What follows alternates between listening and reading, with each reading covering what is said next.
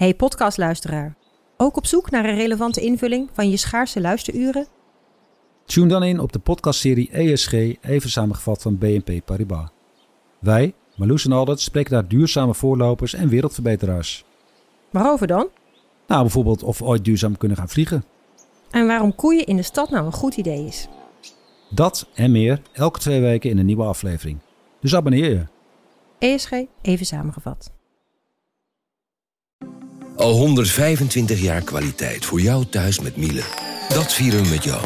Ontvang nu tijdelijk een cashback tot 125 euro op veel Miele-apparatuur. Geniet van de kwaliteit van Miele. Voor perfect verzorgd wasgoed en kleding die veel langer mooi blijft.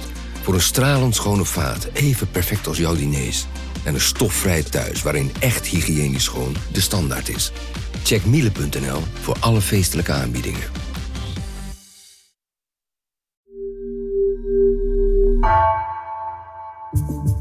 Vanaf de redactie van NRC het verhaal van vandaag.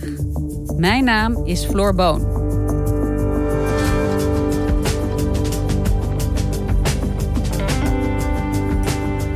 Winkeldiefstal, vandalisme en agressie op straat. Een kleine groep asielzoekers veroorzaakt veel overlast. Het zijn vaak minderjarige jongens die geen recht hebben op een verblijfsvergunning, maar terugsturen naar hun land van herkomst blijkt lastig. Binnenlandredacteuren Romy van der Poel en Martin Kuiper spraken de 18-jarige Amin uit Marokko en zagen een dader en slachtoffer tegelijk.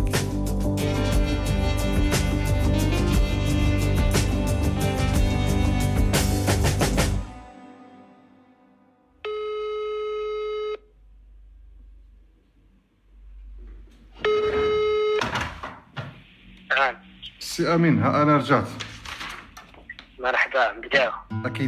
we horen hier Amin. Amin is een 18-jarige Marokkaanse jongen. In zijn dossiers eh, wordt hij omschreven als een jongen met littekens in zijn gezicht. Op, eh, op zijn WhatsApp-foto's. in ieder geval een jongen met een Nike trainingspak aan en een zonnebril op. Die eh, stoer poseert op het Rembrandtplein. En met mijn collega Martin Kuiper maakte ik een verhaal over hem en we spraken hem samen met een tolk. En op het moment dat we hem belden, zat hij in een gekraakte villa met uitzicht over heel Barcelona.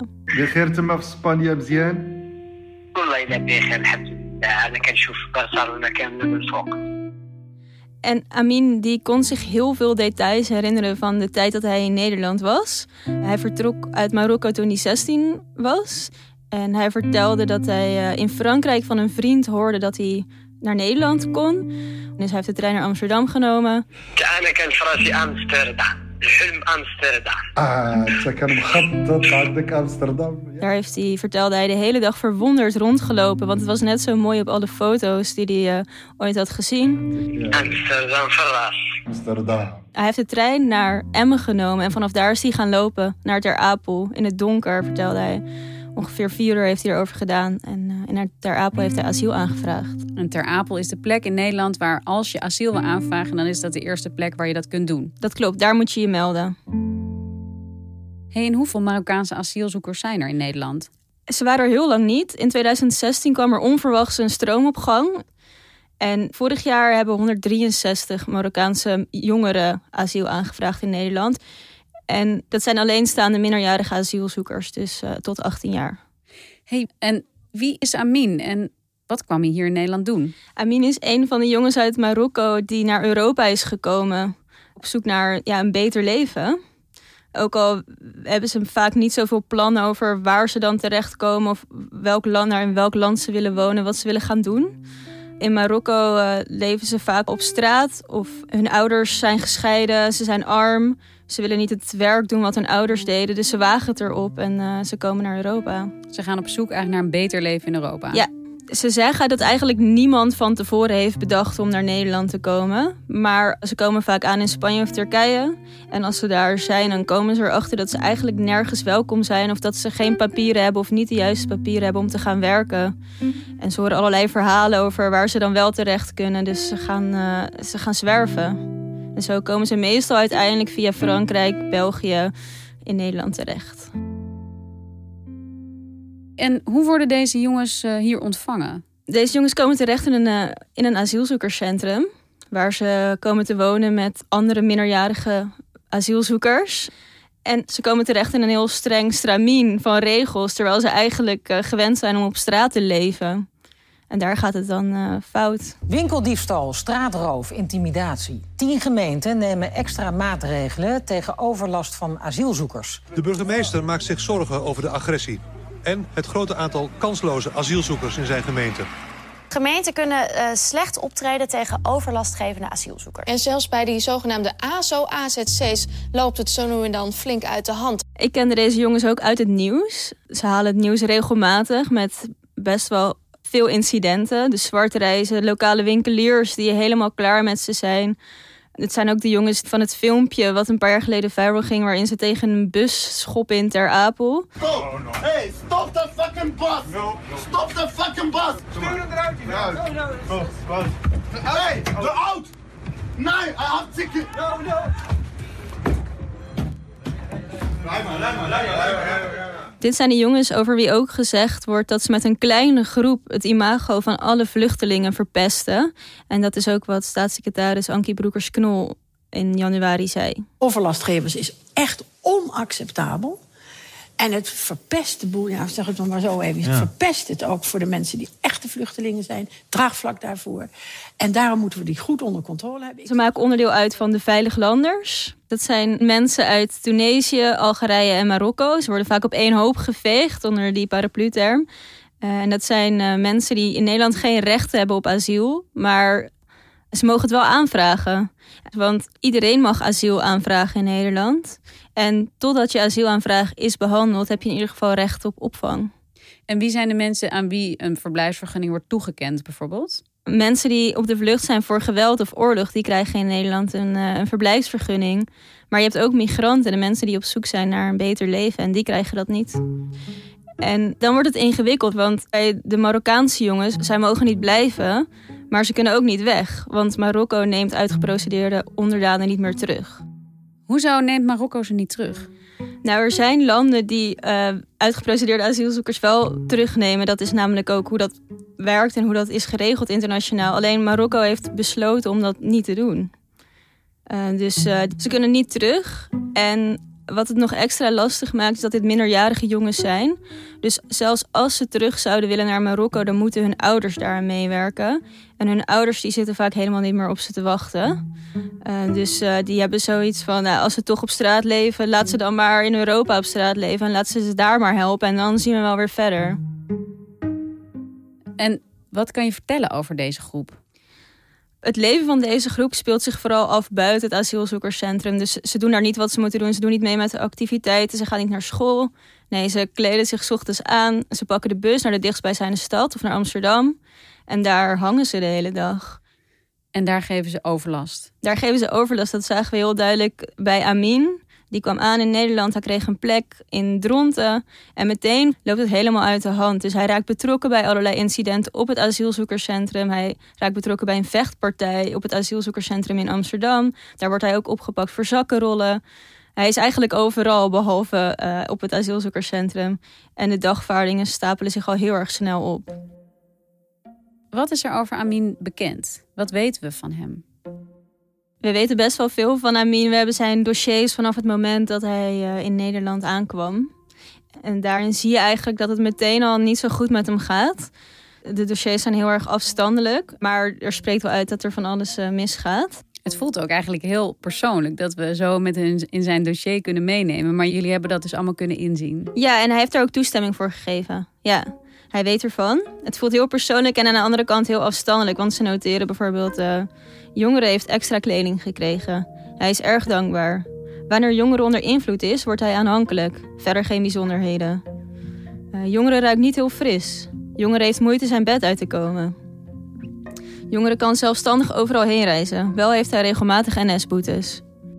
En wat, wat zijn begeleiders ook noteren is dat het ook een jongen is die nog veel meer problemen lijkt te hebben. En wat voor problemen hebben we het dan over?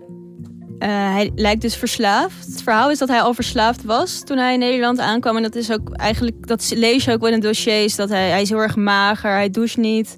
Hij, uh, hij gebruikt heel vaak drugs op de locatie.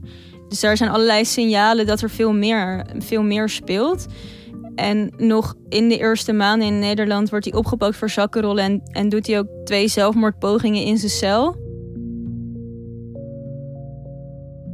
En alles wordt duidelijk dat, het, dat er heel veel aan de hand is. Dit klinkt als een jongen die heel veel problemen veroorzaakt, hè, waar, waar veel mensen last van hebben. Maar, maar het klinkt ook als een heel tragisch verhaal. En iemand die, die eigenlijk veel intensievere begeleiding nodig heeft, die zorg nodig heeft. Hoe gaat Nederland om met dit soort jongens? Ja, aanpakken is in Nederland eh, de teneur. Ze zorgen voor heel veel problemen en elke keer uh, wordt daar weer een harde oplossing voor bedacht. Dus Nederland zegt we vangen ze sober op, zodat ze hier niet meer naartoe komen. Vorig jaar werden er in 2019 worden er ketenmariniers aangesteld. Door, ketenmariniers? Ja, dat zijn uh, um, mannen die ervoor gaan zorgen dat de veiligheid op het AZC uh, en eromheen terugkeert. En ze zeggen, ja, de grootste overlastgevers die, die knippen en scheren we. Zero tolerance, snelrecht, gebiedsverboden. Staat een asielzoeker op de zwarte lijst, dan gaan ketenmariniers de overlastgevers hinderlijk volgen. Ze krijgen een, uh, te horen dat ze op de zwarte lijst staan. We noemen ook waarom ze erop staan. En ook dat we ze op de huid zullen zitten. Echt achter de broek zitten en ze geen moment meer loslaten. Dan gaat een vergrootglas op. En we gaan ze het leven zuur maken. Staatssecretaris Broekers-Knol hoopt met de zwarte lijst en de ketenmariniers... de grootste overlast en criminaliteit tegen te gaan. Maar de vraag is of het probleem daarmee is opgelost. Waar wij heel erg op sturen is om het zo onaantrekkelijk mogelijk te maken... en het zo onaantrekkelijk te maken dat zij... Uh, niet meer voor Nederland kiezen om uh, hier nog eens een keer weer een asielverzoek in te dienen. En kun je iets zeggen, werkt de aanpak, zo die harde aanpak die in Nederland dus nu gangbaar is? Ik vind het lastig om te zeggen, want aan de ene kant de toestroom blijft. Dus het, het versoberde wat we willen uitstralen, dat werpt nog niet echt zijn vruchten, lijkt nog niet echt zijn vruchten af te werpen. En de incidenten blijven ook.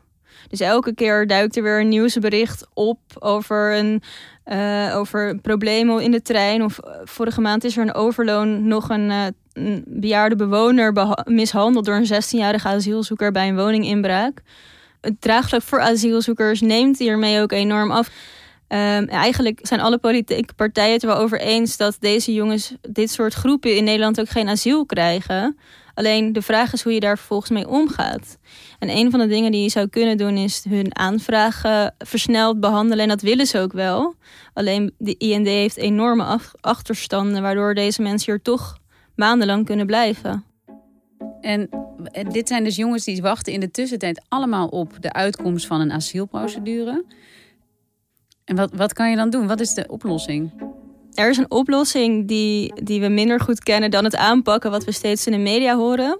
Die oplossing die is vorig jaar bedacht door hulpverleners. En dat is een, een pilot met uh, een hele intensieve en kleine opvang voor de allergrootste overlastgevers. Vorig jaar konden er twaalf jongens terecht. Voor, en zij worden daar op een cultuursensitieve manier geholpen cultuursensitieve ja. manier. Wat moet ik me daarbij voorstellen? Ja, het idee is, deze jongens komen dus van de straat en ze zijn totaal ongevoelig geworden voor straffen. Uh, dus ze pakken het anders aan. En een voorbeeld daarvan is dat ze, ze halen de jongens uh, op van asielzoekerscentra in hun eigen auto, de begeleiders. En dan is het idee dat de jongens dan zeggen: hé, hey, wat een uh, mooie auto. En dan zeggen de begeleiders: ja, maar daar heb ik zelf voor gewerkt. Dus ze willen heel erg inspelen op eer. En het klinkt ook, hè, dit, dit, klinkt niet als een sobere opvang. Dit klinkt eigenlijk als een hele met intensieve begeleiding en met zorg. Ja, het is een, inderdaad een, een opvang met intensieve begeleiding en zorg. En er is veel begeleiding aanwezig. En ze proberen ook een dagprogramma voor de jongens te bedenken. Maar uh, de begeleiders lopen ook tegen grenzen op. Want het zijn, zij zijn wel begeleiders en zij kunnen met jongens praten en een dagbesteding voor ze regelen en over hun toekomst nadenken. Maar de jongens die daar terechtkomen zijn vaak ook zwaar getraumatiseerd. Ze zijn verslaafd, ze hebben gedragsproblemen.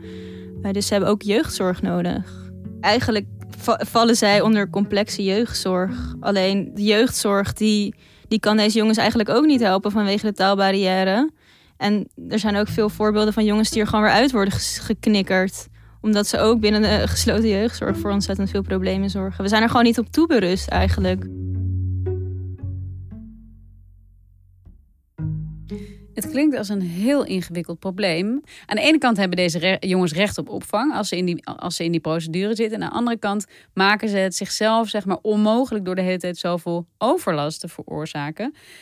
Wat kunnen ze nog? Ja, eigenlijk uh, niet zoveel. Er wordt steeds gesproken over deze jongens terugsturen naar waar ze vandaan komen, dus naar Marokko. Alleen hun begeleiders zeggen dat we niet genoeg realiseren hoe ver deze jongens verwijderd zijn van teruggaan. Dat zou enorm veel gezichtsverlies betekenen. En ze willen ook helemaal niet meer terug. Ze willen het in Europa gaan maken. En wat ze dan vaak doen als ze 18 worden, is dat ze wel uit Nederland vertrekken. Eén, omdat ze vaak nog voor de rechter moeten komen. Dus ja, dat, dat willen ze ontlopen. En twee, het is in Nederland heel moeilijk om in de illegaliteit te leven en te werken. Dus vaak lukt dat beter in België of in Spanje. En gaan ze daar weer, uh, hangen ze daar weer rond. Martin en ik zijn naar, uh, naar Brussel gegaan. Omdat uh, we hoorden dat veel van deze jongens daar op straat leven. En inderdaad, we liepen rond langs de stations daar. En in het centrum zaten drie Marokkaanse jongens onder een brug met hun voeten in een doos. En had zijn been gebroken. Die had het ziekenhuisbandje nog om zijn arm. En die was heel veel bier aan het drinken. We lieten ze hun Facebookpagina's zien. En op Facebook leefden ze in een heel andere wereld. Waar ze op de foto's stonden met feestjes, met willekeurige Audi's op straat. Hoe kwamen ze daar dan aan? Ja, ze gaan gewoon, als ze een auto op straat uh, zien staan, dan poseren ze erbij. En dan zeggen ze een nieuwe auto. Een van de begeleiders vertelde ook dat hij een Audi had gekocht en daarmee naar werk reed. En de volgende dag zag hij zijn auto bij de jongens op Facebook. Met een nieuwe auto stond erbij. En waar, waarom doen ze dit? Waarom creëren ze die uh, parallele wereld eigenlijk op sociale media? Ja, ze willen thuis laten zien uh, hoe goed het met ze gaat en dat ze het gemaakt hebben in Europa.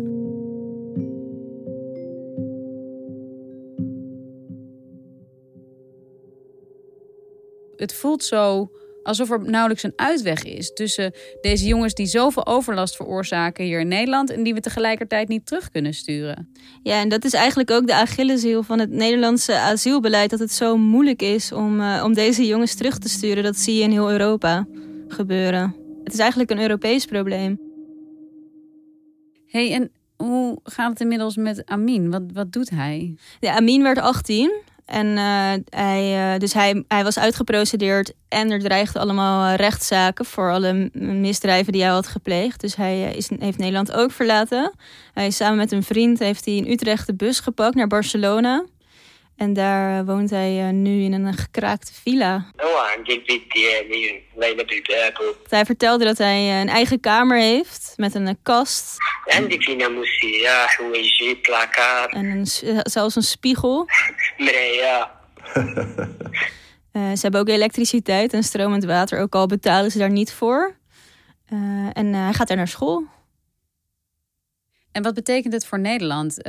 Amin woont nu in Spanje, maar Verdwijnt daarmee deze groep overlastgevers langzaam uit Nederland? Ja, Amin is weg en veel jongens vertrekken, maar er blijven ook weer nieuwe jongens komen. Je ziet dat uh, na de zomer, na de eerste lockdown, de stroom in Nederland weer op gang komt. Dus in juli melden zich er zeven. Um, en in oktober waren het er alweer 24.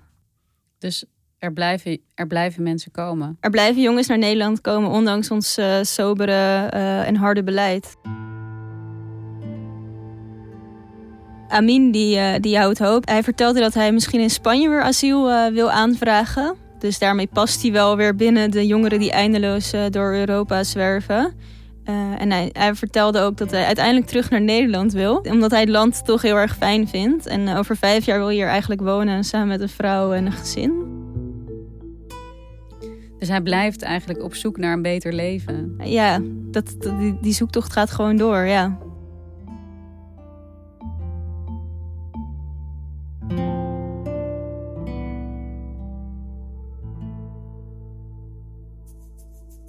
Dankjewel. Graag gedaan.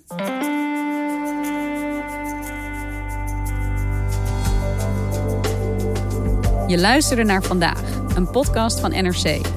Eén verhaal elke dag.